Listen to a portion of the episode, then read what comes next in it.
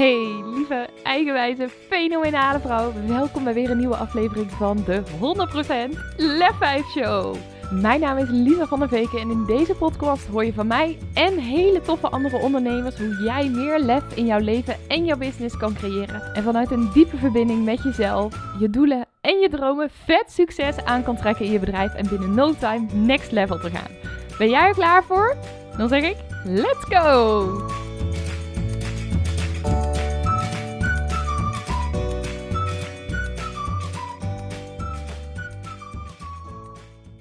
Ja, goedemorgen. Hallo, ik ga vanmorgen lekker live op Insta met veel van zon. En het is altijd even een beetje gepuzzel om dat voor elkaar te krijgen. Maar ik ga eens even kijken bij deze of ik haar uit kan nodigen voor de live. Want wij gaan vandaag lekker kletsen over. Het is vandaag trouwens volgens mij de tweede keer dat veel uh, live gaat op Insta.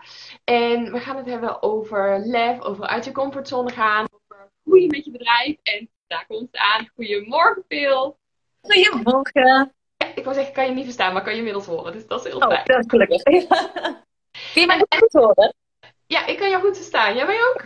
Ja, zeker. Echt net. Ik denk dat ik je al de tweede keer, toch? Of niet? Oké, nu kan ik je toch iets minder goed verstaan. Sorry, ik neem het terug. Oh, oh. Nou, dan hoop ik dat het nu bij deze beter gaat. Dit is de tweede keer dat jij live gaat op Insta, toch? Of niet? Ja, en ik vind het nog steeds spannend.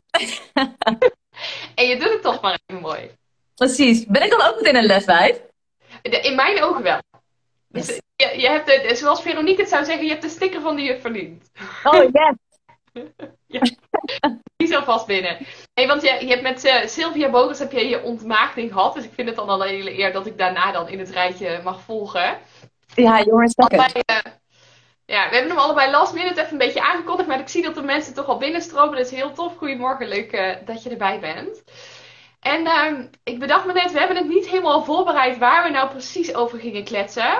Maar nee, maar ik heb wel een paar vragen meteen van jou. Want ik was net lekker jou over mijn pagina aan het lezen. En ik vind het sowieso heel erg leuk dat je uit... Je komt uit Brabant, maar woon je ook nog in Brabant? Nee, ik woon nu in Amersfoort. Oké, okay, dan vergeef ik je. Nee, ja.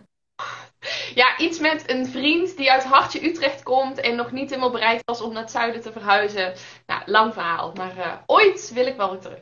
Ah, snap ik. Ik kom zeg maar uit Tilburg en ik ben hier echt geboren echt toch. Dus ik vond het helemaal leuk om dat te lezen. Maar wat ik ook las, en ik zo met de schuin oog naar jouw pagina nog steeds te kijken, want ik heb echt verslonden, is dat ik het zo fantastisch vind. Dat je echt zegt, ik ben echt van een grijs muisje, wat, wat heel ja, bang was. Ben ik echt gewoon alles gaan omarmen. Dus echt van parachutespringen tot een paddo-trip. En ik dacht echt, wow, dit is ook niet zo van, uh, nou, ik heb een keer mijn mening gegeven. En ze zegt meteen, vet extreem. En ja, ik denk dat misschien kennen heel veel mensen uh, die jou volgen, jouw verhaal. Maar de mensen die mij volgen, die, die kennen jouw verhaal zeker niet. En uh, ja, ik ben eigenlijk wel heel erg benieuwd. Ik weet niet of daar een soort van samenvatting van is of zo. Maar hoe de hel ga je toch in godsnaam van een grijs muisje en een postnatale depressie, want ook dat las ik op je pagina, naar ja, de leswijf die je nu bent. Zelfs ook twee keer in lingerie in tijdschriften gestaan. Ik dacht echt, halleluja, echt.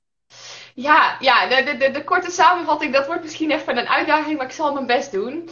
Nee, laat ik het zo zeggen. Ik was altijd de, dat meisje wat het liefst eigenlijk niet opviel in de klas. Ik, ik uh, nou ja, daar zullen vast heel veel volgers ook dat herkennen. Ik ben vroeger best wat gepest, op de basisschool. Uh, ik heb een klas overgeslagen toen ik in groep 2 zat. Het maakte dat ik altijd het jongste uh, meisje was. Bijna altijd een jaar jonger dan de rest van mijn klasgenoten. En tegelijkertijd, ja, durf ik ook best te zeggen, best wel intelligent was. Dus dat, dat botste zeg maar nog wel eens. Hé, hey, en veel bij deze. Er wordt dan meteen gevraagd, waarom gewoon je niet vragen live? Je bent zo leuk op camera. Dus dat... Uh, uh, uh, kan ik ook de chat zien? Ja, als het goed is wel. Ik zie hem voorbij komen. Dus, uh... Oh, ik zie niks. Maar misschien moet ik ergens op klikken. Moet ik op die, dat cijfertje klikken waar de live kijkers bij staan? Oh nee, dat werkt niet zo. Goed, zie je hem onderin in je scherm. Zie ik ze zo voorbij komen. Maar en... anders lees ik ze wel voor. Hij staat er in ieder geval echt. Van Sharida Elzinga, als ik het goed zeg. Oh, dus ik leuk. Dankjewel. Um, maar goed, ik was dus altijd ook wel, ja, weet je, ik was wel intelligent, maar nog niet sociaal-emotioneel ver genoeg, zeg maar, om, om weerbaar genoeg te zijn. Dat maakte dat ik in die zin makkelijk was om, om op te pikken. Um, en dat ik me altijd een beetje verscholen heb eigenlijk daardoor. Terwijl van nature ben ik iemand die zich echt wel uitspreekt en die ervoor gaat en, die ervoor staat, et cetera. Nou, jaren verder, de, inmiddels uh, jarenlang als psychiatrisch verpleegkundige werkzaam. Ehm, daar heb ik meer dan acht jaar in gewerkt. Toen gestart met de podcast en toen zei iemand tegen mij: Je moet echt gaan coachen. Je bent echt heel goed in wat je doet. Dus zo ben ik er een beetje ingerold. Maar ja, als ik iets niet durfde, dan was het mezelf uitspreken, ergens voor staan. Nou, dat dus daarin echt dat grijze muisje. Ik hielp ook mensen om in hun kracht te staan. Echt van die algemene containerbegrippen. En toen uh, nou, was ik uh, uh, zwanger. En we, dat was zelfs nog daarvoor trouwens. Maar goed, ik heb een postnatale depressie gehad. Dat heb je ook gelezen. dat is inmiddels vier jaar geleden dat dat op zijn dieptepunt zat. Waarbij meestal wordt het gediagnosticeerd in de eerste weken, zeg maar, na de bevalling. Bij mij was het na vijf en een halve maand pas. Omdat ik zo goed was eigenlijk in het verbloemen met wat er van binnen bij mij allemaal speelde. Dus zoverre had ik al op mezelf aangeleerd om niks te laten merken van wat er bij mij zeg maar van binnen gebeurde. En dat kwam tot zo'n punt dat ik op een gegeven moment dus echt dacht, als ik nu het huis uit ga, ik weet nog heel goed, was in juni, s'avonds, met Menno was ik thuis. Dan, dan rijd ik mezelf daar tegen een boom aan, dan spring ik voor een vrachtwagen, ik weet niet wat ik ga doen, maar dat gaat niet helemaal goed. En ik was notabene zelf werkzaam in de psychiatrie als verpleegkundige. En toen pas dacht ik voor het allereerst, oh, volgens mij klopt dit niet helemaal. Volgens mij is het niet goed. Nou, toen ben ik naar, bij de huisarts beland, uh, naar de psycholoog, antidepressiva, een beetje dat standaard riedeltje. Maar dat was wel voor mij voor het eerste moment dat ik dacht: oké, en, en nu ben ik klaar met altijd doen wat iedereen van mij verlangt. Oh, ik krijg zelfs kippenvel van. Uh, met, met me aanpassen aan anderen. En nu kies ik gewoon echt voor mezelf. En nou ja, dat heb ik volgens mij ook op die over mij pagina geschreven. Dat was voor mij echt dat eerste moment. Maar iets in mij zei ook, maar als je er dan voor gaat, dan ga je er ook gewoon maximaal voor. Dus uh, in het begin was dat dus nou, die coachsessies bij de, bij de psycholoog en die antidepressiva en zorgen dat ik weer op de been kwam. En daarna dacht ik ook, nee, nu ben ik er weer. En nou ga ik ook vol. En toen dacht ik, ja, wat is nou iets waarvan ik altijd heb gedacht, ja, dat, dat durf ik echt niet. En, maar als ik dat zou kunnen, als ik dat zou durven, ja, weet je, dan, dan, dan kan ik de hele wereld aan. En voor mij was dat skydiven. En dat is dan ook de reden dat. En ik heb het al zo gedaan. Ik heb hem cadeau gegeven aan de verjaardag uh, voor mijn vriend. Zodat dat ik meteen die stok achter de deur had van mezelf te gaan doen. Ook wel een, echt een aanrader. Uh, en hebben we dat uiteindelijk uh, vorig jaar augustus gedaan. Dus daar zit inmiddels wel wat tijd tussen. Maar ja, nog iets met nog een kindje, een huilbaby. En, nou, lang verhaal. En dat gaf me zo'n kick. Sterker nog, ik zat in dat vliegtuigje. En waar ik dacht van tevoren dat ik echt in totale paniek zou zijn in dat vliegtuig, zat ik daar heel rustig, heel relaxed en dacht ik, oh, ik ga het gewoon doen en ik ga daar gewoon springen. En ik vond het zo vet om te doen. Ah, weet je, de meeste mensen zijn dan bang voor juist dat naar beneden storten, zeg maar die vrije val. En um, ons werd van tevoren ook nog even verteld van, joh, um, normaal gesproken duurt dat 60 seconden, maar jullie zitten in een vliegtuigje met alleen maar sportspringers. Dus jullie gaan even een kilometer hoger en jullie vrije val duurt geen 60, maar 90 seconden. Dus dat was ook nog eens even extra challenge, zeg maar. Maar ik heb echt lopen gillen. Ja, niemand hoort je dan, want de herrie is zo hard. Zo van, ja, vet! En nou, dat vond ik dus ook het leukste gedeelte van de sprong. En niet zozeer dat parachute gedeelte. Daarna dat je, dat je hangt aan dat ding, dat vond ik zelfs een beetje saai. Um, en daarna, ja, toen, toen dacht ik, oké, maar nou dit gedaan, weet je. Ik, ik heb altijd uh, mijn lichaam verafschuwd. En toen zag ik op een gegeven moment op Roept u maar zo'n post voorbij komen van, nou ja, zou je in je ondergoed op de foto willen? Toen dacht ik, nou weet je, dan ga ik dat ook meteen doen. En zo volgde eigenlijk het ene na het andere zich op. En dat maakte ook, en daarom zet ik dit ook echt in, in mijn bedrijf en met mijn klanten, dat juist door het zetten van die, die stappen, door het doen van die lefdaden, dat ik steeds meer mezelf uit ging spreken. Want ik dacht, ja, weet je, als ik daarin mijn engste angst heb overwonnen, dan is het live gaan op Instagram ook niet zo spannend meer. Of, of dus woorden als fuck it of, of kut, ja, daar, gebruik ik gewoon uh, om, om daarmee te smijten. Want dat is wie ik ben. En nou ja, zo ben ik steeds stevig gekomen te staan. Uiteindelijk zelf een event georganiseerd. Ook met een vuurloop erbij. Um, ja, en, en ben ik gekomen eigenlijk tot, tot wat ik nu doe. Ja, oh, echt super tof om te horen. Ik werd helemaal bijna onpasselijk bij het idee dat ik 90 seconden zou moeten vallen uit een vliegtuig. Oh, ik kan het aanraden. Dat is echt heel vet. Oh. Bij mij lijkt het zweven dus wel heel leuk. Dus ik heb vorig jaar ben ik op vacation gegaan. En toen heb ik ook daar geparglide. En het zweven vind ik dus wel heel erg leuk. Maar gewoon dat vallen vind ik echt heel erg eng. Maar sowieso heb ik echt, ik vind jouw verhaal echt, ja, ik ben, ik ben heel blij dat je ook je, je podium hebt, zeg maar. Dus dat mensen dit kunnen horen. Want ik denk dat je echt een waanzinnige, ik vind je sowieso een waanzinnige inspiratie, echt waar. Dankjewel. Nou, dat vind ik al heel tof om te horen. Dankjewel. Ja, echt heel tof. En nu ben ik ook wel benieuwd. Want dat is zeg maar een beetje zo je, je, ja, je privéleven en natuurlijk ook gedeeltelijk je bedrijf. Maar wat is bijvoorbeeld in jouw bedrijf nu ja, echt een iets waarvan je denkt, oh, dat vond ik heel spannend. En dat kan echt van alles zijn. Hè? Dus je, je eerste gratis weggeven, het starten van een podcast, je advertentiebudget verdubbelen, noem het maar op. Dus wat vond je echt een ledwijfdaad in je bedrijf? Ja, dat is een goede vraag. Want ik denk dat ik er heel veel gehad heb. Want ik ben dus ook begonnen meer als grijze muisje. Eigenlijk voor, voor die hele parachutesprong en zo. Waarbij ik me toen nog richtte op perfectionisme. Uh, en, en alleen al die stap maken naar het gaan staan voor die term lefwijf. Want iemand zei dat ooit tegen mij. Joh, je bent echt een lefwijf. En toen dacht ik, ja, maar dit moet ik doen. Maar dan die titel ook claimen, dat, dat aan zich was er al één. Um, en vervolgens, ja, echt dat event wat ik heel graag wilde. Weet je, ik, ik wil spreken. Ik voel dat het alles, dat, dat het eruit moet. Dat ik de wereld tekort doe als ik niet, zeg maar, alles ga delen wat ik te brengen heb. Maar het is, nou, dat zullen misschien ook luisteraars wel herkennen, best een uitdaging als je wil gaan spreken op podium om jezelf daar ook op te krijgen. Want ja, er, eh, ze hebben al zoveel aanbieders, nou, noem het maar op. Toen dacht ik, weet je, ik ga het gewoon zelf organiseren. Um, en, en me nog niet beseffende wat dat eigenlijk inhield om een event te organiseren.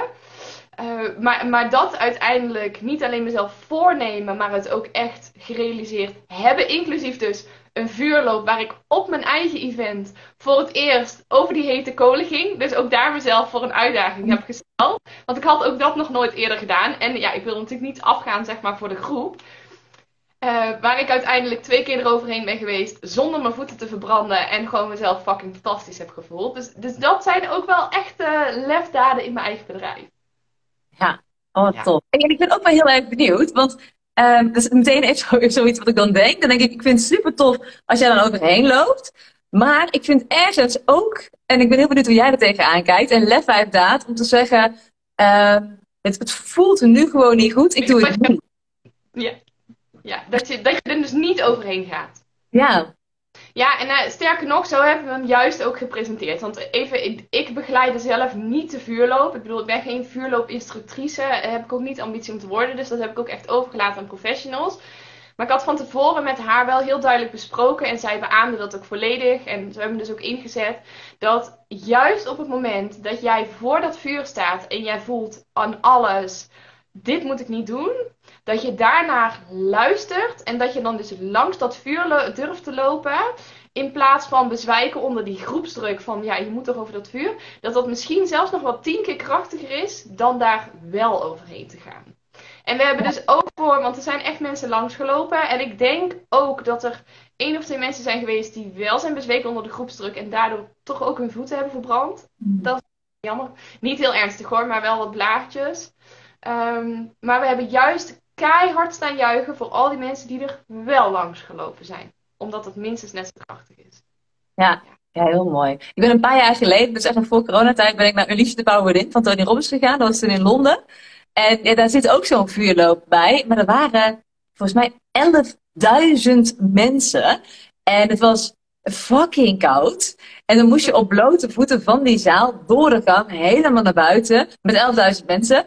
Uh, en dan moest je er overheen. En ik, ik denk dat dat echt van, uh, want ik heb van mensen gehoord, dat van de zaal tot je uiteindelijk over het vuur heen liep, dat er zo'n twee tot drie uur tussen zat. En ik zag mezelf daar al helemaal met blote voeten. En ik dacht, oh, dit, ik, ja, ik ga hier zeg maar ik, tegen het dat ik daar ben, zit ik al in een depressie, zeg maar. Weet je wel? Dat ik dacht, dat moet ik echt mezelf niet aandoen. Ik ben daar veel te gevoelig voor.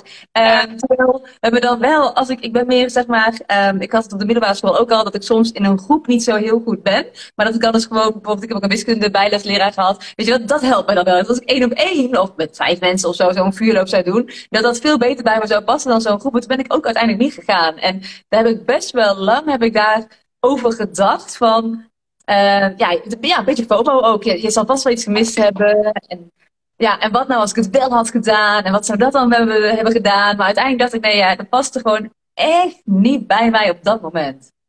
Ja, en, en die staat ook nog steeds op mijn lijstje, want ik zou gaan in 2020, maar toen was er iets met een wereldwijde pandemie, waardoor het niet doorging. Maar bij Tony is wel de insteek in die zin anders als in, er ligt al een bak met hete kolen zeg maar voor je klaar. Uh, waar je dan dus nog overheen moet lopen, alleen duurt lang omdat er zoveel mensen zijn. En bij ons was het echt, we hadden een, een houtstapel van een kubieke vierkante meter. Die twee uur lang uh, heeft staan branden met de fik tot 6 meter hoogte lucht in zeg maar. En terwijl uh, die vuurstapel brandde, hebben we pijlbreken gedaan. Dus dat je een pijl op je keel krijgt en dan een plankje aan de andere kant. En dat je hem dus door moet breken. En vanuit daar al die pff, energie hadden. En vervolgens, zeg maar, echt ook met z'n allen in de groep, uh, één voor één dan wel, maar wel echt gedragen door de groep over dat vuur heen. Ja, ja, maar dat is top. Dat heb ik bij Millionaire Mind Intensive gedaan. Dat was ik ook voor de wereldwijde pandemie. Thank God, alles toen dat door kon gaan. En dat vond ik zo spannend. Toen had ik die, die pijl. Dat was echt, ja, je kan in zo'n enorme pijl met zo'n punt echt. En die had ik dan hier. En iemand anders die had hem volgens mij oh, in de hand. En dan moest ik daar dus met mijn keel zo tegen aanlopen. En toen knapte die. En ik weet nog dat ik echt helemaal zo... Ah, echt helemaal zo uit met dat Oh man, je bent dan echt... Nou, een euforisch was ik echt. Echt niet te doen, zeg maar. Dus dat, maar dan ben je al ja, in je state. Dus dan kun je ook veel makkelijker, denk ik, als dat tempo een beetje erin blijft zitten, ook met vuur lopen. Ja, ja, en dat was dus ook de intentie met die voorbereiding. Want dan heb je eigenlijk al die eerste blokkades doorbroken. En dan wordt het makkelijker om vervolgens ook die stap letterlijk op die hete kolen te gaan zetten. Ja, ja. Ik zal kijken, want ik heb hem hier zelfs nog ergens liggen. Maar ik zie hem... Oh ja, wacht. Kijk. Ik heb, ik heb de helft hier. Want dit, dit stukje, ik weet niet of je het kunt zien, is, uh, ja. het is uh, de, de helft van de pijl. Oh, super. Ik heb hem ook heel lang bewaard. Op een gegeven moment heb ik hem weggegooid. Toen dacht ik, waarom heb ik daar eigenlijk geen foto's van de video's? Maar die had ik waarschijnlijk wel, maar die ben ik gewoon kwijtgeraakt. Dat vind ik wel heel erg jammer ook. Maar... Ja. Oh ja, dat is dan inderdaad wel een beetje zonde. Maar goed, je hebt wel de herinnering altijd. Ja, precies. heel fijn. Hey, en, en dan ben ik ook even meteen benieuwd, want dan kaats ik het balletje even ook terug naar jou, hè? Want, want je vraagt aan mij over, over dat stukje grijze muis. Maar volgens mij was het voor jou in het begin ook niet per se heel makkelijk om, om echt te gaan voor wat je wilde. En, en om in jouw grootsheid, om die er dan maar even in te gooien, om daarin te stappen en vol voor dat succes van je business te gaan.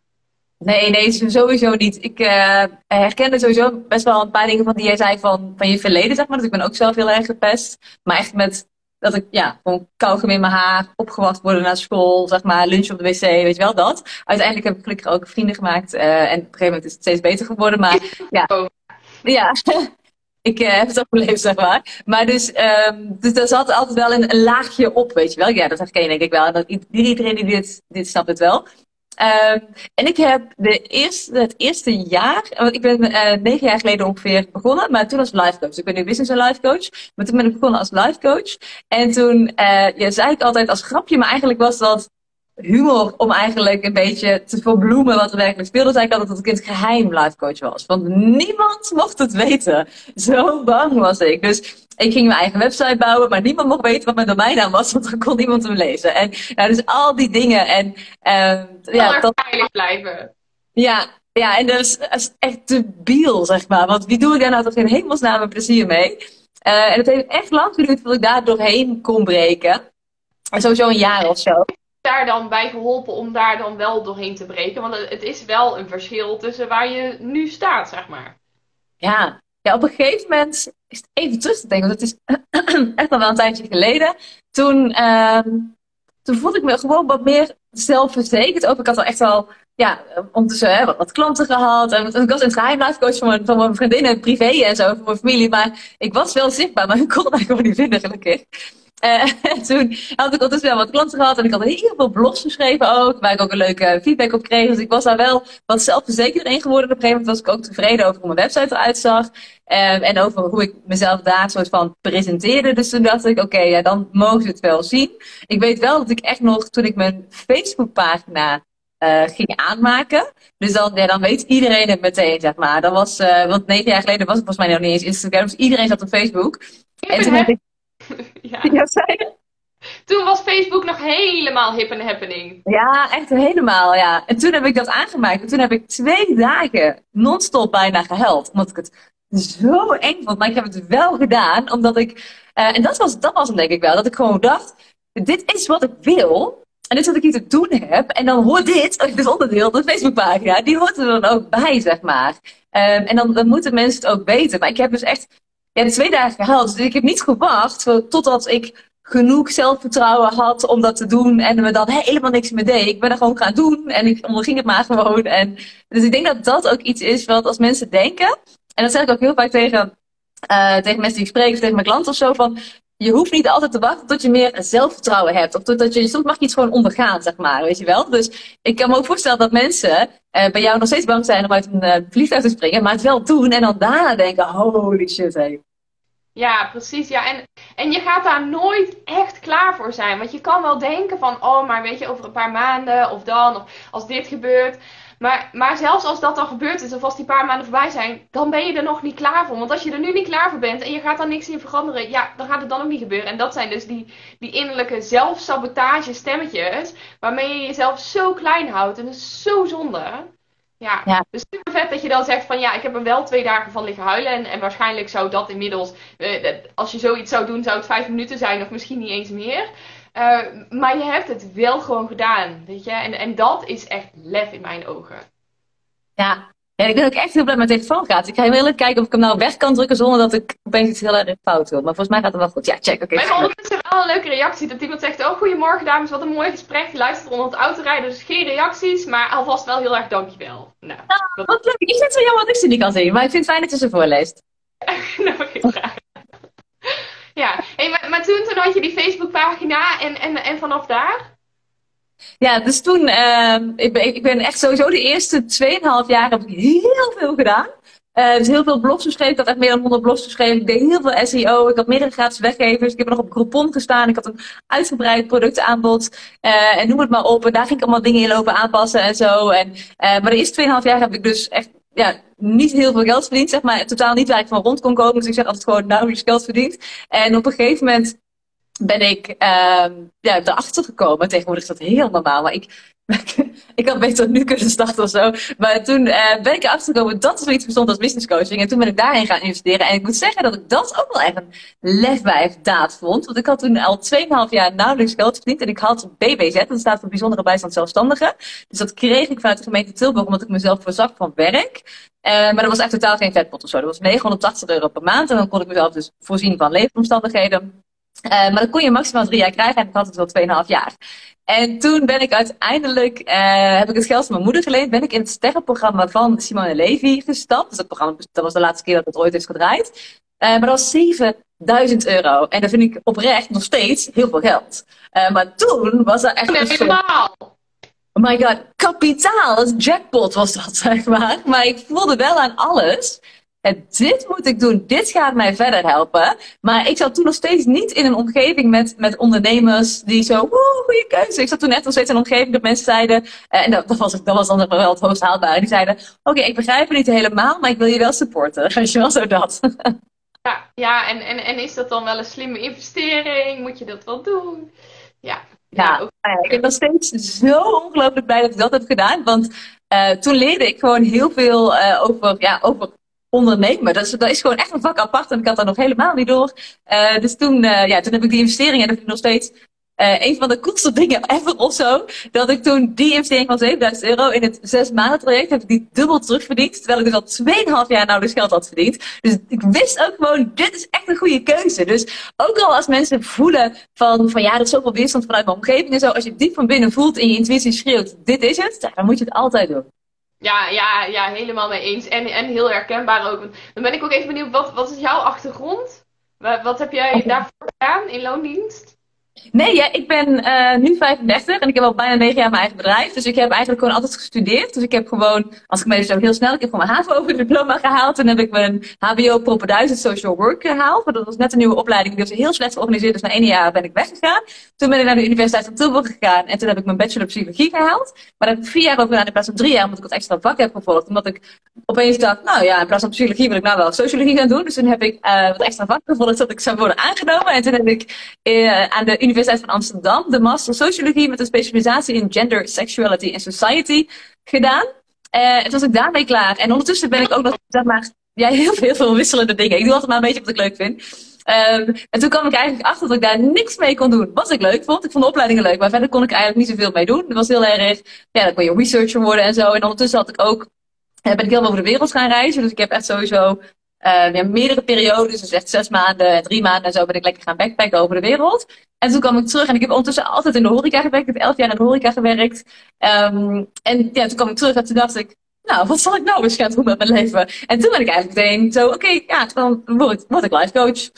Ja, ja en, en, en dan, dan is het ook wel zo dat je als je psychologie of social work of iets in die richting hebt gestudeerd, nou ik heb natuurlijk achtergrond in verpleging, dan weet je dus ook niks van sales en marketing en business bouwen en ondernemen en, en hoe dat spelletje eigenlijk allemaal wel niet werkt. Ja, ja. ik had echt 0,0 kennis. En ik had letterlijk niet eens, ik had niet eens door dat ondernemen een vak apart was. Ik dacht gewoon, oh ja, ik heb nou eenmaal besloten dat ik mijn eigen bedrijf wilde, dus moet ik dat nou eenmaal maar gaan oplossen. En dan mag ik geen hulp bij krijgen. Dat was echt een kronkel in mijn hoofd. Ja, en, ja, en wel heel herkenbaar ook. Nou moet ik wel zeggen, ik ben wel in het begin, ben, het eerste wat ik deed was de BP90 bij, bij Veronique Prins. Nou, daar ben ik nu uiteindelijk ook weer, uh, weer bij terug.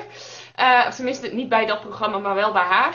Uh, ik heb intussen ook wel veel business coaches uh, versleten, zal ik het zo maar zeggen. Ook omdat er, nou ja, dat zul je wellicht ook herkennen, best wel wat kaf tussen het koren uh, zit. maar ook omdat ik dus helemaal niks wist. En de een die iets heel erg over online ondernemen, de ander meer over offline. En de een doet, nou ja, iedereen richt zich ergens anders op. En ik dacht, ja, ik snap er niks van. Ik wil het ook allemaal weten. Dus ook via daar al die kennis dan maar gaan vergaren. Ja, het is ook inderdaad pas als je weet van, oh, dit zijn de mogelijkheden, kun je erachter komen wat bij jou past. Uh, dus dat is ook echt een, een reis daarin inderdaad. En sommige ondernemers, en, en er is echt, het is, uh, dus zijn gewoon misschien wel meerdere varianten met twee. Dus sommige ondernemers die, die hebben meteen dat, dat het echt lukt en dat het gaat stromen en zo. Maar en dan heb je daarna ook af en toe nog wel eens een dip, zeg maar. Maar sommige startende ondernemers die doen gewoon wat langer die opstartfase. Maar dan gaan ze zichzelf zo vergelijken met, oh ik ook 2,5 jaar, zeg maar. Dus, maar die gaan zichzelf zo vergelijken met, ja, maar ja, die lukt het wel heel erg goed of zo. Dus ik heb zelf altijd een groepsprogramma gehad, Business Start. En ik ben dat nu, uh, ben ik, heb ik een do-it-yourself variant van gemaakt. Plus uh, twee varianten eigenlijk. Dus een do-it-yourself variant en een VIP variant, waar ook persoonlijke begeleiding bij zit. En hoewel ik eerst heel erg fan was van die groepsvariant. Omdat iedereen zei, ja, leuk, andere ondernemers om je heen. Zeker, dat is ook leuk, dat is ook echt heel waardevol. Maar ook dat vergelijken en dat ja, ik durf niets te delen in de Facebookgroep en ja, die is al beter en die is al verder en ik loop achter. En dan, was dat heel vaak niet eens het geval. Maar dat, ja, dat is zo kut gewoon. Dat je jezelf dan in plaats van optrekt, zeg maar, te neergeslagen voelt. En ja, ik ben nu ook wel blij dat ik denk, oh nee, gewoon mensen in een bubbel, zeg maar. Dat ze niet kunnen af laten leiden doordat zij slechter zouden zijn dan iemand anders of zo. Nou ja, en dat is dus ook waarin we dan onszelf gewoon heel erg tegenhouden. Terwijl wie zegt dat diegene inderdaad verder is dan jij? En, en ik ben dus ook zo'n zo'n lange, langzame opstartondernemer, omdat ik het, de, gewoon de ballen niet van snapte. Uh, en, en inmiddels begint het echt wel explosief zeg maar, te groeien. Uh, maar ook gewoon omdat, één, het is best wel lastig. Twee, je ziet heel veel op Insta. En je weet aan de voorkant, zeg maar. En je weet ook niet hoe het aan de achterkant is. Want nou, inmiddels draai ik dan al, nou, nog niet eens zo heel lang, eigenlijk anderhalf jaar, maar het voelt al wel als heel lang mee. En ik zie ook nu, zeker nu ik mensen beter leer kennen, nu ik heel van het netwerken ben, ook steeds meer wat nou eigenlijk de echte achterkant is van wat er aan de voorkant uh, mensen laten zien, zeg maar. Die, de, de, de heel platgeslagen de 10k in de maand advertenties, terwijl ze dat één keer in de hele carrière bereikt hebben, maar er dan vervolgens wel mee adverteren. En ja. wij ze denken, oh, maar die heeft dat al en, en ik had, heb dat niet. En ze had dat binnen twee maanden en waar, ik ben al drie jaar bezig en het lukt maar niet. En daarmee onszelf zo neerhalen. Terwijl, ja, wie zegt nou dat dat daadwerkelijk de werkelijkheid is alleen al? Plus ook die switch dan dus kunnen maken naar, oh, maar wat tof dat zij dat doet. Wat doet ze dan? Wat ik nu nog niet doe? Of wat, wat ik nu nog niet onder de knie heb? Of, of wat doet ze in de marketing of de sales? Of wat kan ik daar uithalen, zodat ik het voor mij ook kan laten werken? En alleen al die switch, ja, dat is echt goud waard. Ja. ja. Oh, en ik vind het zo fijn dat je het ook even te sprake brengt. Want ik had het hier toevallig gisteren nog met iemand over. Dat ik, ik ben dus echt allergisch voor sowieso, ik, ik noem dat gewoon liegen in marketing. Ik ben sowieso allergisch voor liegen, maar laten we gewoon allemaal gewoon even, weet je wel, waarom ga je over iets liegen of zo, zeg maar. Ik bedoel, uh, ik ken iemand, en ik, ga geen naam noemen, maar ik ken iemand en die heeft één keer een uh, 20.000 euro winstmaand gehad. En vanaf dat moment, overal waar je maar kon kijken, in haar advertenties, op haar social media, was het, ik zet 20.000 euro winst per maand op. Dat heb je één keer gehad. Dat is toch niet, dat is, zeg maar. En ze zei dat. En toen had ze, ze ondertussen een BV, maar toen had ze nog geen BV. En toen dacht ik, hoe vreemd is het dat je, dan, want dan zou je, als jij al een jaar lang 20.000 euro winst per maand hebt, dan zou je al een BV hebben. Dus je hele verhaal klopt niet. En waarom wil je jezelf nou beter voor, ja, in ieder geval beter voor dan je bent? Dat vind ik eigenlijk ook niet eens. Want ik denk alleen maar, ik vind het super vreemd, waarom lieg je hierover, zeg maar? En, en wil je dan, ja, wat voor beeld wil je dan neerzetten? Dat, zeg maar. Ja, en, en dat is denk ik juist ook omdat we onszelf dan heel klein voelen. Maar op het moment dat we onszelf groot zo voordoen, dan zullen anderen ons wel aardig vinden. Dan zullen ze wel bij ons kopen. Dus ik geloof ook dat daar juist heel veel angst onder zit. En daarom heb ik eigenlijk meer medelijden met die mensen. Uh, nog meer, en, en ook dat is een switch van de laatste maanden. Maar dat ik denk, oh, eigenlijk wat sneu voor jou dat je zo in de wedstrijd zit. En dat je het nodig hebt om op die manier jezelf te presenteren een beetje als een, een pester, zeg maar, op de basisschool die het nodig heeft om iemand anders naar beneden te halen om zichzelf goed te voelen. Want ja, dat komt natuurlijk ook ergens vandaan. Ja. Dus zo, gebeurt het ook heel veel. Dan denk ik, oh, maar oké, blijkbaar heb jij daarin nog wat te ontwikkelen. Uh, en, en, heb ik het dus niet nodig om, om met jou daarin iets te doen. Ja, het zou ook mijn klant kunnen zijn, maar niet degene naar wie ik opkijk. Dat. Nee. nee. Maar je moet er maar achter komen dat het dus inderdaad niet waar is.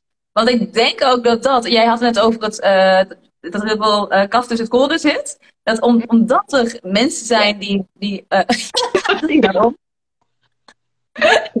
Zo ook, ja. Uh, dat er zoveel mensen zijn die niet eerlijk zijn over resultaten. En of het nou uh, omzet is, of winst, of um, dingen, andere dingen die je hebt bereikt. Het hoeft niet altijd alleen maar over omzet te gaan. Maar als je er niet eerlijk over bent, mensen nemen gewoon wel aan wat je zegt. Want ja, ik ga er ook altijd maar voor vanuit dat mensen de waarheid spreken. Maar dan kom je dus echt wel thuis van een koude kermis op het moment dat je dan met iemand instapt. En het is helemaal niet zo. Ja, ja en, dat, en dat zit hem vaak, tenminste waar ik achter ben gekomen, want ik heb echt wel, nou in ieder geval twee coaches gehad waarvan ik dacht, en, en die heb ik ook nog vaak het meeste geld betaald. Dus dat is dan ook nog eens extra zuur. Waarvan ik dacht, oh, je bent echt vet goed in wat je doet. En ondertussen, als je dan zeg maar achter de schermen dus komt, dan kom je erachter, oh, maar diegene is gewoon heel goed in sales en marketing. Maar qua inhoud, zeg maar, betaalde ik 4.500 euro en was het programma nog niet eens 200 waard, bij wijze van. En dat was dan gewoon wel heel zuur. En dan vind ik het nadeel met uh, en, en tegelijkertijd hebben we coaches, therapeuten, en dat is vooral bij ons wel redelijk de doelgroep, uh, hebben daar best wel veel in te leren. Maar dat iemand anders dus heel goed, goed kan zijn in sales en marketing. Maar dat zegt dan dus weer niks over die inhoud. En terwijl er dan dus ook, en dat vind ik dan extra zuur, heel veel mensen zijn die dus wel heel goed zijn op die inhoud. Maar die sales en marketing dan dus niet zo onder de knie hebben. Omdat ze A niet weten hoe ze het moeten doen. Nou, daarvoor moeten ze bij jou zijn. Of dan dus ook dat zelfvertrouwen niet hebben om daarvoor te durven staan. Uh, waardoor het niet lukt, zeg maar. Dan denk ik, ja, die groep gun ik nou juist wel dat enorme succes. Ja, Oh, echt zo. En dat is ook dat ik, ik ben altijd heel slecht in gezegd dus goed herhalen op het moment dat ik het wil. Maar er is ook zo'n gezegd van, het is niet de ondernemer uh, die het beste is, die wint, maar die het uh, beste is in, in de verkopen. Ik zeg hem echt. Ik, ik mag het heel het is volgens mij in Engels, it's not about, the, about who is the best, but the best known. Zeg maar, daar gaat het over. Oh ja, zoiets is het inderdaad. Ja, dat is in ieder geval wel mijn clue, dankjewel. die. Ja, maar dat is heel jammer. Want daarmee, ja, één, snijden we, als we zelf heel goed zijn, onszelf kaart in de vingers. En, en, en twee, daardoor komt er dus ook zeg maar de slechte naam met er zijn zoveel coaches of die business coaches. Of, en terwijl er zitten zoveel goede tussen en die worden dan besmet eigenlijk door degene die dus veel minder goed zijn. En dat is zonde. Ja, ja dat is echt zonde inderdaad. Oh. Hey, en ik ben eigenlijk wel benieuwd. Wat is, um, ja, ik zeg altijd, als je iemand tegenkomt dan heb je, en die, je voelt van, hey, die, die, zou, ja, die zou veel meer uit zijn schulp mogen. Het is echt jouw ideale klant. Weet je? Als je die tegenkomt, maar die is nog geen klant bij jou, die kom je tegen, die zou veel meer uit uh, haar of zijn schulp mogen kruipen. Uh, en echt, ja, gewoon 100% ledwijf zijn in plaats van muisje. Wat is dan eigenlijk, en ik, ik zet je misschien nu een beetje onder spot, dus ik hoop dat het oké is. Maar wat is dan een van de dingen die je super vaak herhaalt tegen mensen? Dus, dus iets wat dus eigenlijk een soort van universele kennis is die je dan overbrengt aan die persoon. Wat is een beetje dat? Kun je daar iets over delen?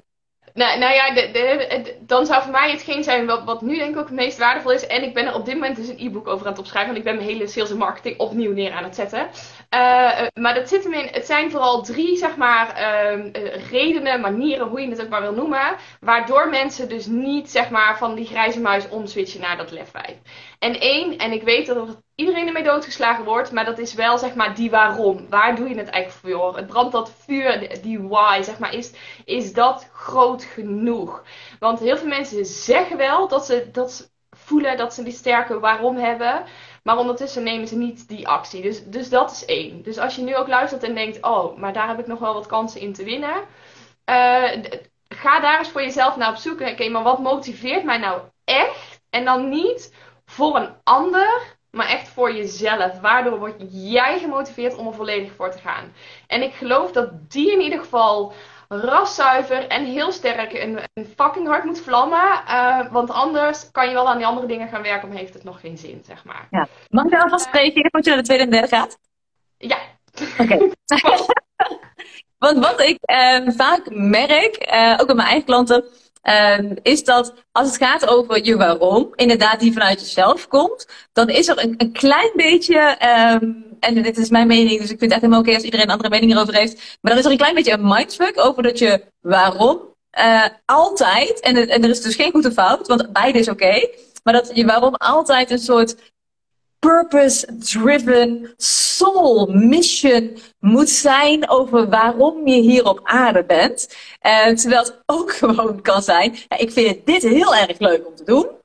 En ik wil heel graag, weet je wel, mijn leven op zo'n manier inrichten dat ik gewoon lekker veel geld verdien, dat ik genoeg vrijheid heb. Um, en dat, dat mag, vind ik zelf, ook een waarom zijn. En uh, ik was laatst, en jij ook, op het uh, evenement van Veronique Prins. En toen zei ze op een gegeven moment op het podium, zei ze iets in de trant gezegd, vast een beetje fout, maar dat uh, als een keertje met deze naar de werk ga, dat ze dan denkt, nou, vandaag verdien ik de badkamertegels van mijn nieuwe huis in het buitenland. Weet je wel, zo super ja, money driven. En dat betekent niet dat je dan opeens geen hart hebt voor je klant. Dat is natuurlijk totaal onzin, dus het mag ook beide, zeg maar. Maar dat is dus niet per se, ik ben ook heel even naar jouw mening daarover, een soort, zo, zo uit de baarmoeder getrokken soul mission purpose moet zijn, zeg maar, dat. Ja, sterker nog, ik denk zelfs dat op het moment dat die. Weet je, er is, er is zo'n sweet spot, zeg maar. We kunnen heel erg klein denken en dan gaat dat vuur niet groot genoeg aan. Maar het moet ook niet zijn, ja, ik moet morgen de volgende Tony Robbins zijn, zeg maar. Want, want daar kan je hoofd gewoon simpelweg nog niet bij. En ook daarmee sla je jezelf dan eigenlijk gewoon kapot. Of je, nou ja, dat, dat is niet. Maar je snapt wat ik bedoel. Uh, daarmee haal je het dus ook weer helemaal onderuit. Dus voor mij is het. En ja, ik wil op het podium staan. En, mijn basis is: ik ga voor duizend man spreken, zeg maar. Daar ga ik van aan. En 10.000 denk ik nog een beetje. Dat schiet ik in die krant. En het is voor mij ook, ik heb gewoon, ja, ik wil hem hier nog voor mijn neus hangen, nu op de slaapkamer. Een, een moodboard gemaakt van ons droomhuis. En vandaag verdien ik, uh, verdien ik de dakpannen en, en morgen verdien ik de badkamer en dan de keuken. Uh, maar dat huis gaat er hoe dan ook binnen twee jaar, het staat al zeg maar. En hebben we het zelf gefinancierd. En dat is ook een waarom. Alleen het gaat erom, jij moet hem voelen. En um, ik was vorige week bij, bij Veronique dan in, in de tweedaagse mastermind. En daar zei ze ook, voor iemand was het alleen al. Weet je, uh, als je klanten gaat maken, stel je voor, je hebt, je hebt twee kinderen. En je hebt, uh, nee, je hebt geen kinderen, maar, maar dan zou je het, ja, het is niet voor, helemaal voor je huisdier of toepassing. Maar misschien voor je neefje of je nichtje of je oma, je opa, je vader, je moeder, wat dan ook. Um, Stel je voor, je hebt twee enveloppen liggen. En bij elke keer, en dit is dan wel even voor kleine kinderen, maar vertaal hem even naar, naar iemand anders. Um, en elke keer als jij een klant maakt, doe je 10 euro in één van die enveloppen.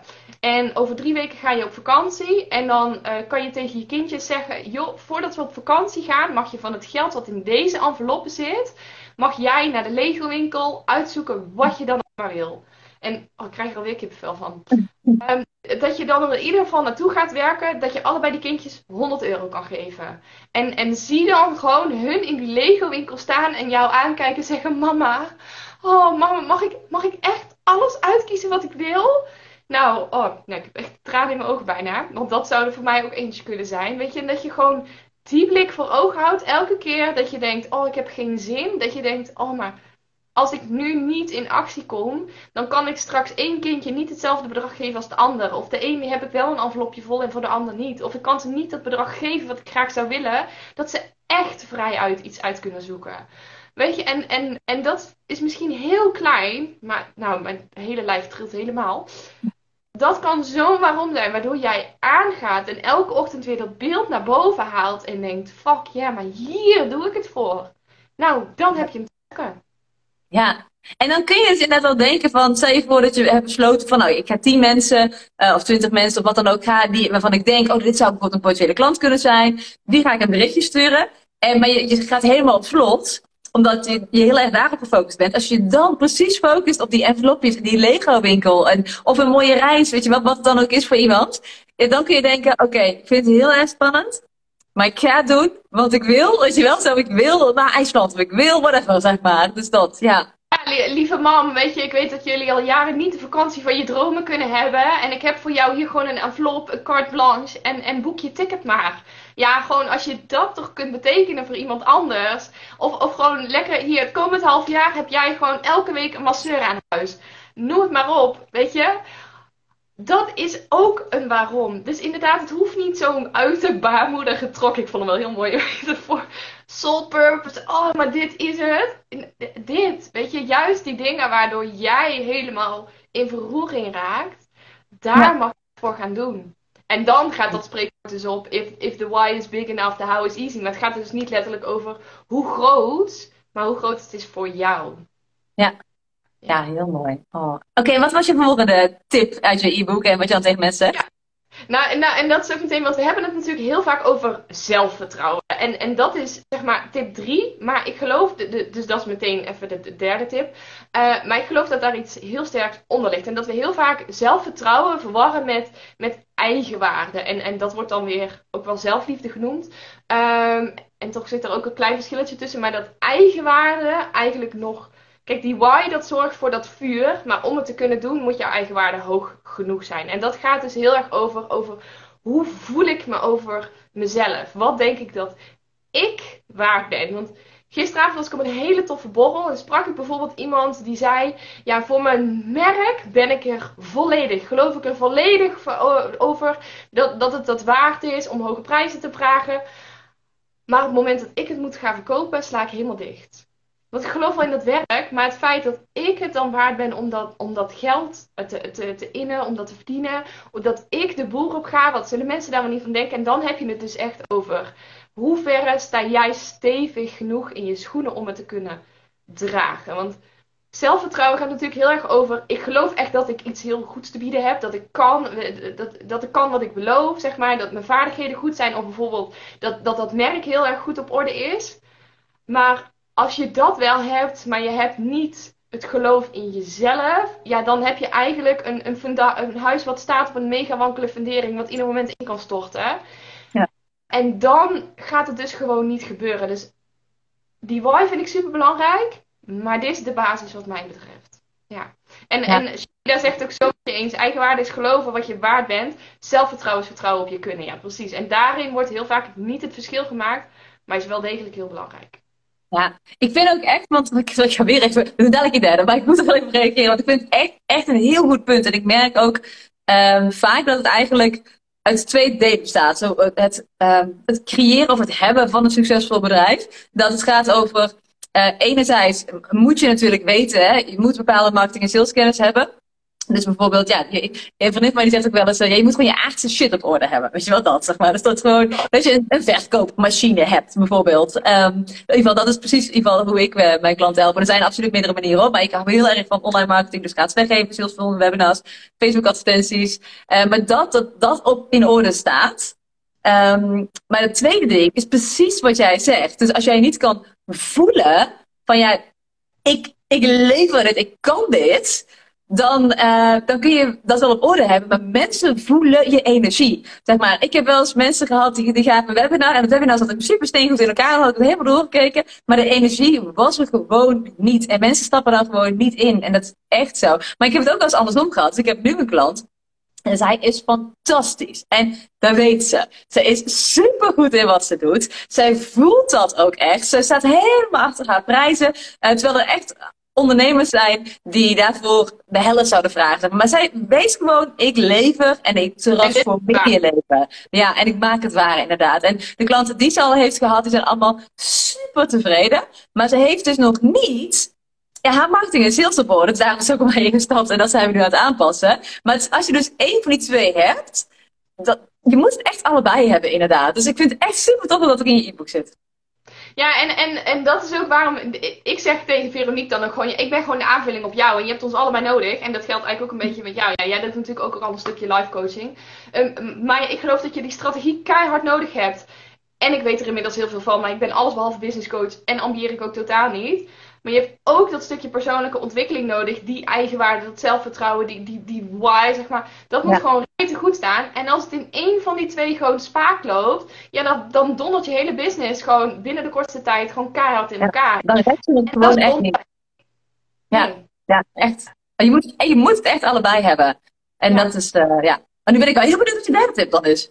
Nou ja, die derde tip gaat dus heel erg over dat zelfvertrouwen. Dus, want ik geloof wel dat dat ook heel belangrijk is. En, en dat die twee dus, wat ik net zei, dat hangt heel erg samen. En ik zie ook mensen die geloven dus wel, want, want als je een gebrek hebt aan eigenwaarde, durf je bijvoorbeeld inderdaad ook die prijzen niet te claimen. Of niet te zeggen van, ja, maar, maar als iemand uh, jou bijvoorbeeld kritiek geeft, dat je dan niet denkt, oh ja, maar mijn product is niet goed genoeg, maar dan is het meteen, ik ben niet goed genoeg, zeg maar. En dat zelfvertrouwen, dat gaat dus wel heel erg over vertrouw je in je eigen kunnen en, en, en durf je ook vertrouwen letterlijk op die kennis die je al hebt. En dan gaat het bijvoorbeeld over wat ik heel veel zie. En zeker ook bij onze doelgroep natuurlijk, bij coaches, therapeuten of, of bij docenten die dan denken: Oh, maar heb ik al wel genoeg opleiding gehad? Moet ik niet eerst nog een volgende training gaan geven? Uh, en dan wel massa's kennis in huis hebben. Uh, maar daar dus niet het vertrouwen in hebben dat zij dat voldoende beheersen. En dan gaat het dus echt over die skills, over die vaardigheid. En als je ook dat niet over de bühne kunt brengen, ja, dan kopen mensen ook niet. Want dan denken ze, ja, je hebt misschien wel heel veel kennis, maar kan je het ook ten uitvoer brengen? Dus ook daarin denk ik wel, en, en, en dit is denk ik in die zin voor mij de minst belangrijke tip, maar wel heel belangrijk om aan te kunnen werken of om, om dat ook stevig te kunnen hebben staan. Want anders gaat het alsnog niet werken. Ja. ja. En heb je er ervaring mee dat iemand dus echt heel veel vakinhoudelijke kennis had? En dat je ook wist van ja, die heeft echt voor weet ik veel duizenden euro's opleidingen gedaan. Maar dat die persoon het niet kon overbrengen naar een klant bijvoorbeeld? Ja. Uh, of ik dat wel eens gehad heb? Nee, niet jijzelf, of iemand, misschien jij ook zelf, maar dat je de ervaring mee hebt bij, bij een van je klanten, dat je ze daarmee hebt geholpen? Ja, ja, ja, ja, ja. En ik ken zeker wel, ik ken sterker nog heel veel mensen die ik gewoon van opleiding naar opleiding zie hoppen.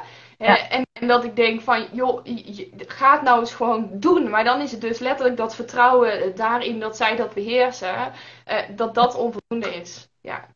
Ja. Ja, en, en je moet ook inderdaad, je kan niet alleen maar blijven uh, consumeren. Je moet ook gewoon gaan doen, inderdaad. Dat is echt go and do it, zeg maar. Ja. Ja, en, en als we het dan even hebben over jou, en ook meer vanuit strategisch vlak, want dit is natuurlijk heel erg vanuit ook mindset vlak, waarin we onszelf saboteren. Maar wat, wat zie jij dan vooral bij jouw klanten? Je noemde net al van, nou, die hebben dan dus de, de, de marketing niet stevig staan. Waar help jij mensen vooral mee?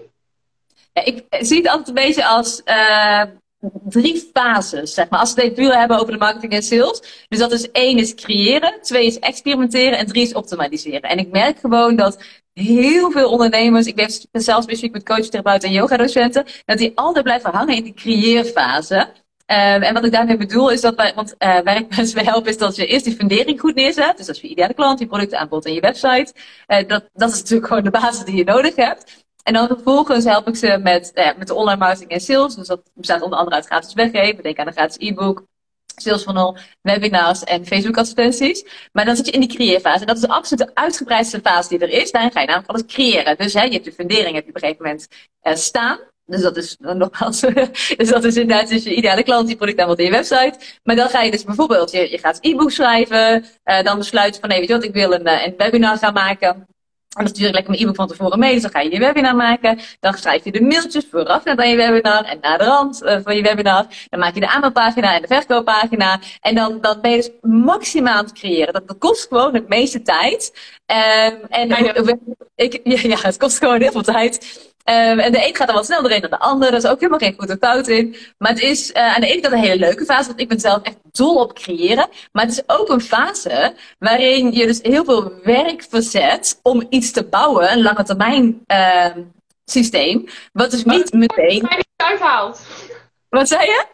Waarin je op korte termijn nog helemaal niks eruit haalt aan klanten. En dat kan best wel ontmoedigend zijn. Dat je denkt, maar ik doe zoveel, maar het gebeurt nog niet. Maar ja, je, je, bent, aan, ja, je bent aan het werken aan die lange termijn strategie.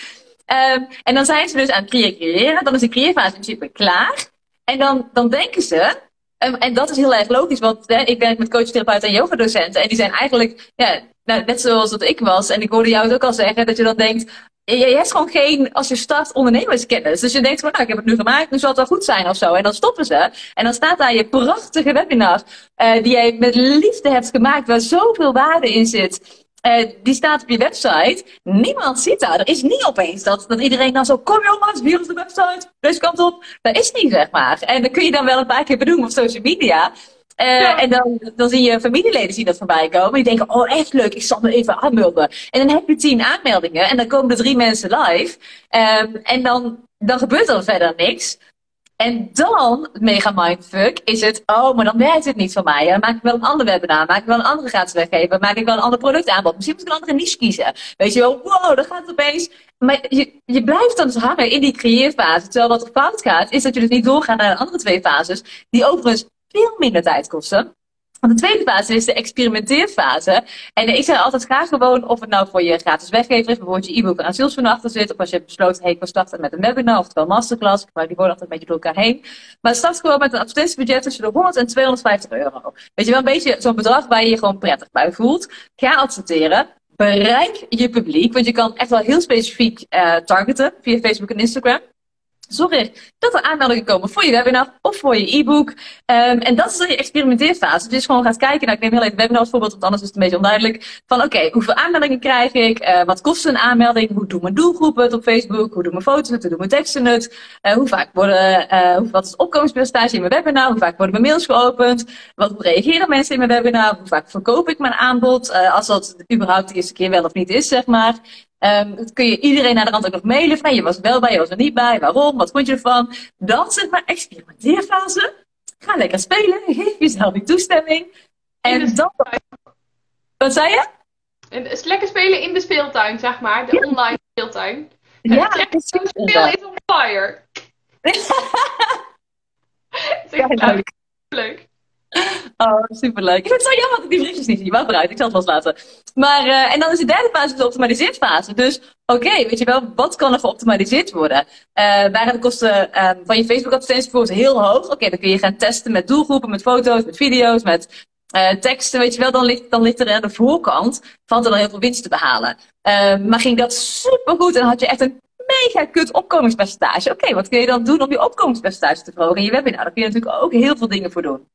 Um, sowieso kun je even kijken van, oh, ik had het nu op een dag gedaan dat misschien niet helemaal handig was, of op een tijd die niet helemaal handig was, of ik had maar één aanmeldmoment, uh, nu doe ik er volgende keer doe ik er twee, dat kan ook heel verschillen. Maar je kan ook iets verloten op het einde van je webinar, zodat mensen zo lang mogelijk blijven of zo, zeg maar. Weet je, dat zijn heel veel dingen die je kan doen. Je kan ook zorgen dat mensen zo warm mogelijk in je webinar komen. Dus in de mails vooraf aan je webinar, dat je daar je e-book in meestuurt, dat je je podcast meestuurt. Um, weet je wel, dus dat mensen gewoon zo warm mogelijk zijn. Maar je gaat dus gewoon alles kijken naar, hey, wat kan ik optimaliseren om de volgende keer een zo goed mogelijk resultaat te hebben. Maar ik merk dus gewoon dat heel veel ondernemers blijven hangen in die creatiefase omdat, dat hebben ze geleerd. Hè. Ze hebben heel veel gratis webinars bijvoorbeeld en gratis challenges. Dus we denken, oh, dat werkt voor jou, dan moet het ook voor mij werken. Uh, dat kan ook. Maar als je dan alleen maar gaat maken, en vervolgens, want dat is wat ze zien. Ze zien, jij hebt een e-book gemaakt. Of ze zien, jij een challenge gegeven. En dat gaan ze ook doen. Supergoed. Want hoe fantastisch is het dat je iets ziet bij iemand en denkt, oké, ik ga het ook proberen, ik doe het. Weet je wel, dat is fantastisch. Maar je ziet vervolgens niet wat ze aan de achterkant doen um, in die experimenterende optimaliseerfase. Om dat ook werkelijk een succes te maken. Um, en dat is dus ook wat ik heel uitgebreid in mijn, in mijn academie mensen teach. Maar dat vind ik zo zonde, want dan hebben mensen dus en 100% lef getoond om te gaan staan waar ze voor staan. Ze hebben zichzelf naar buiten gebracht. Ze zijn ook echt aan de slag gegaan om te creëren. Maar ze missen gewoon die kennis. Ze missen gewoon die marketing- en saleskennis.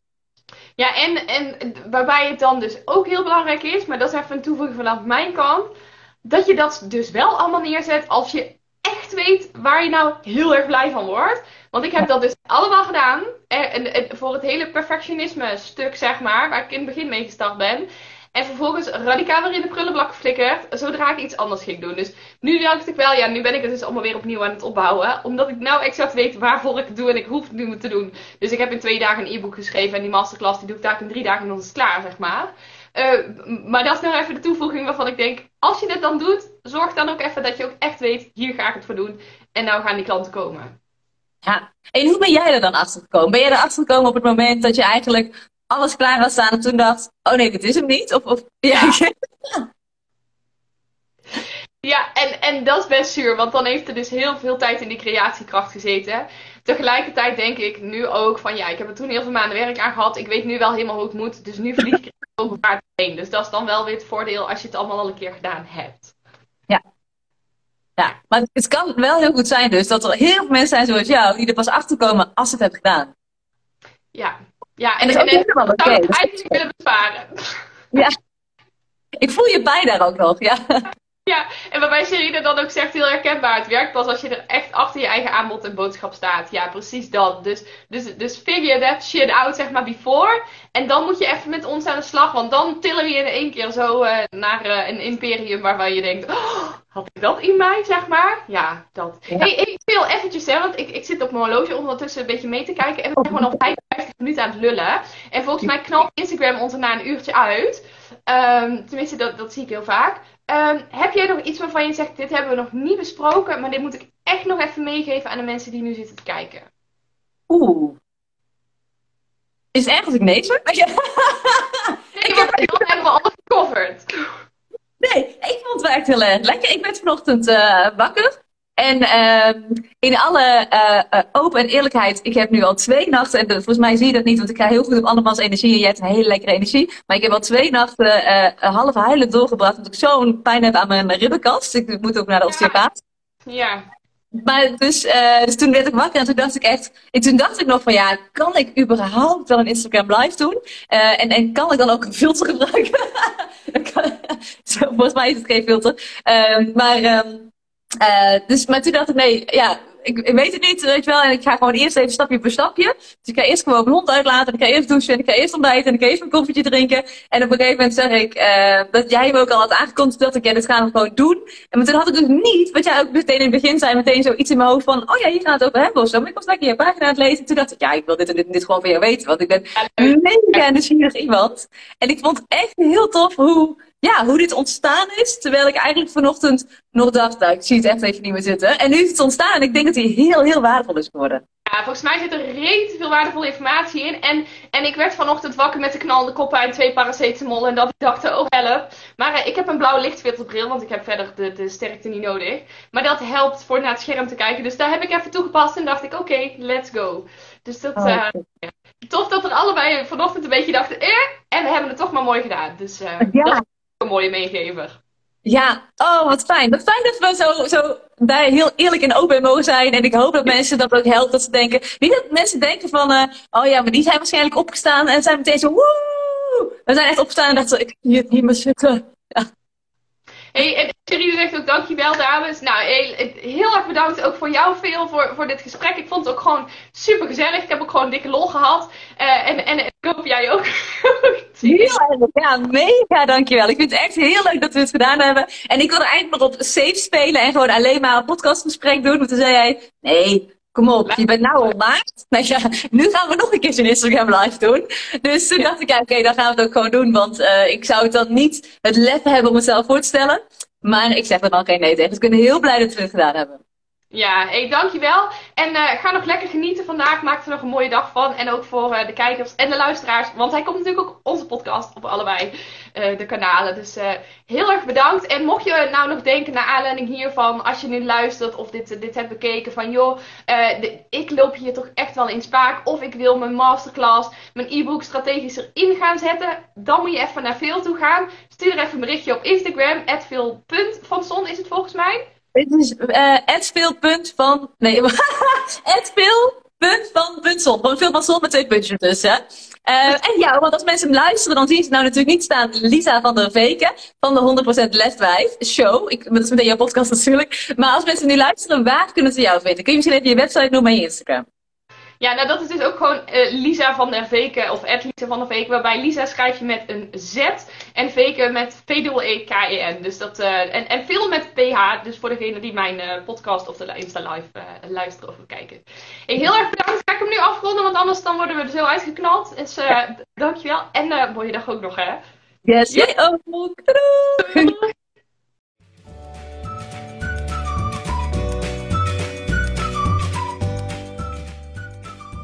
En toen zat de aflevering er gewoon al wel op. En uh, ben ik natuurlijk heel benieuwd wat je eruit hebt gehaald voor jezelf. Laat het me even weten. Stuur me even een berichtje op Instagram, een DM'tje of zo. Lisa van der Veken kan je me vinden. En ik vind het echt ontzettend tof om van je te horen. En als je nou heel veel waarde haalt uit deze podcast, wil je dan alsjeblieft de podcast met 5 sterren waarderen? Ofwel op Spotify ofwel op iTunes. Bij Spotify kan dat door helemaal naar boven toe te scrollen.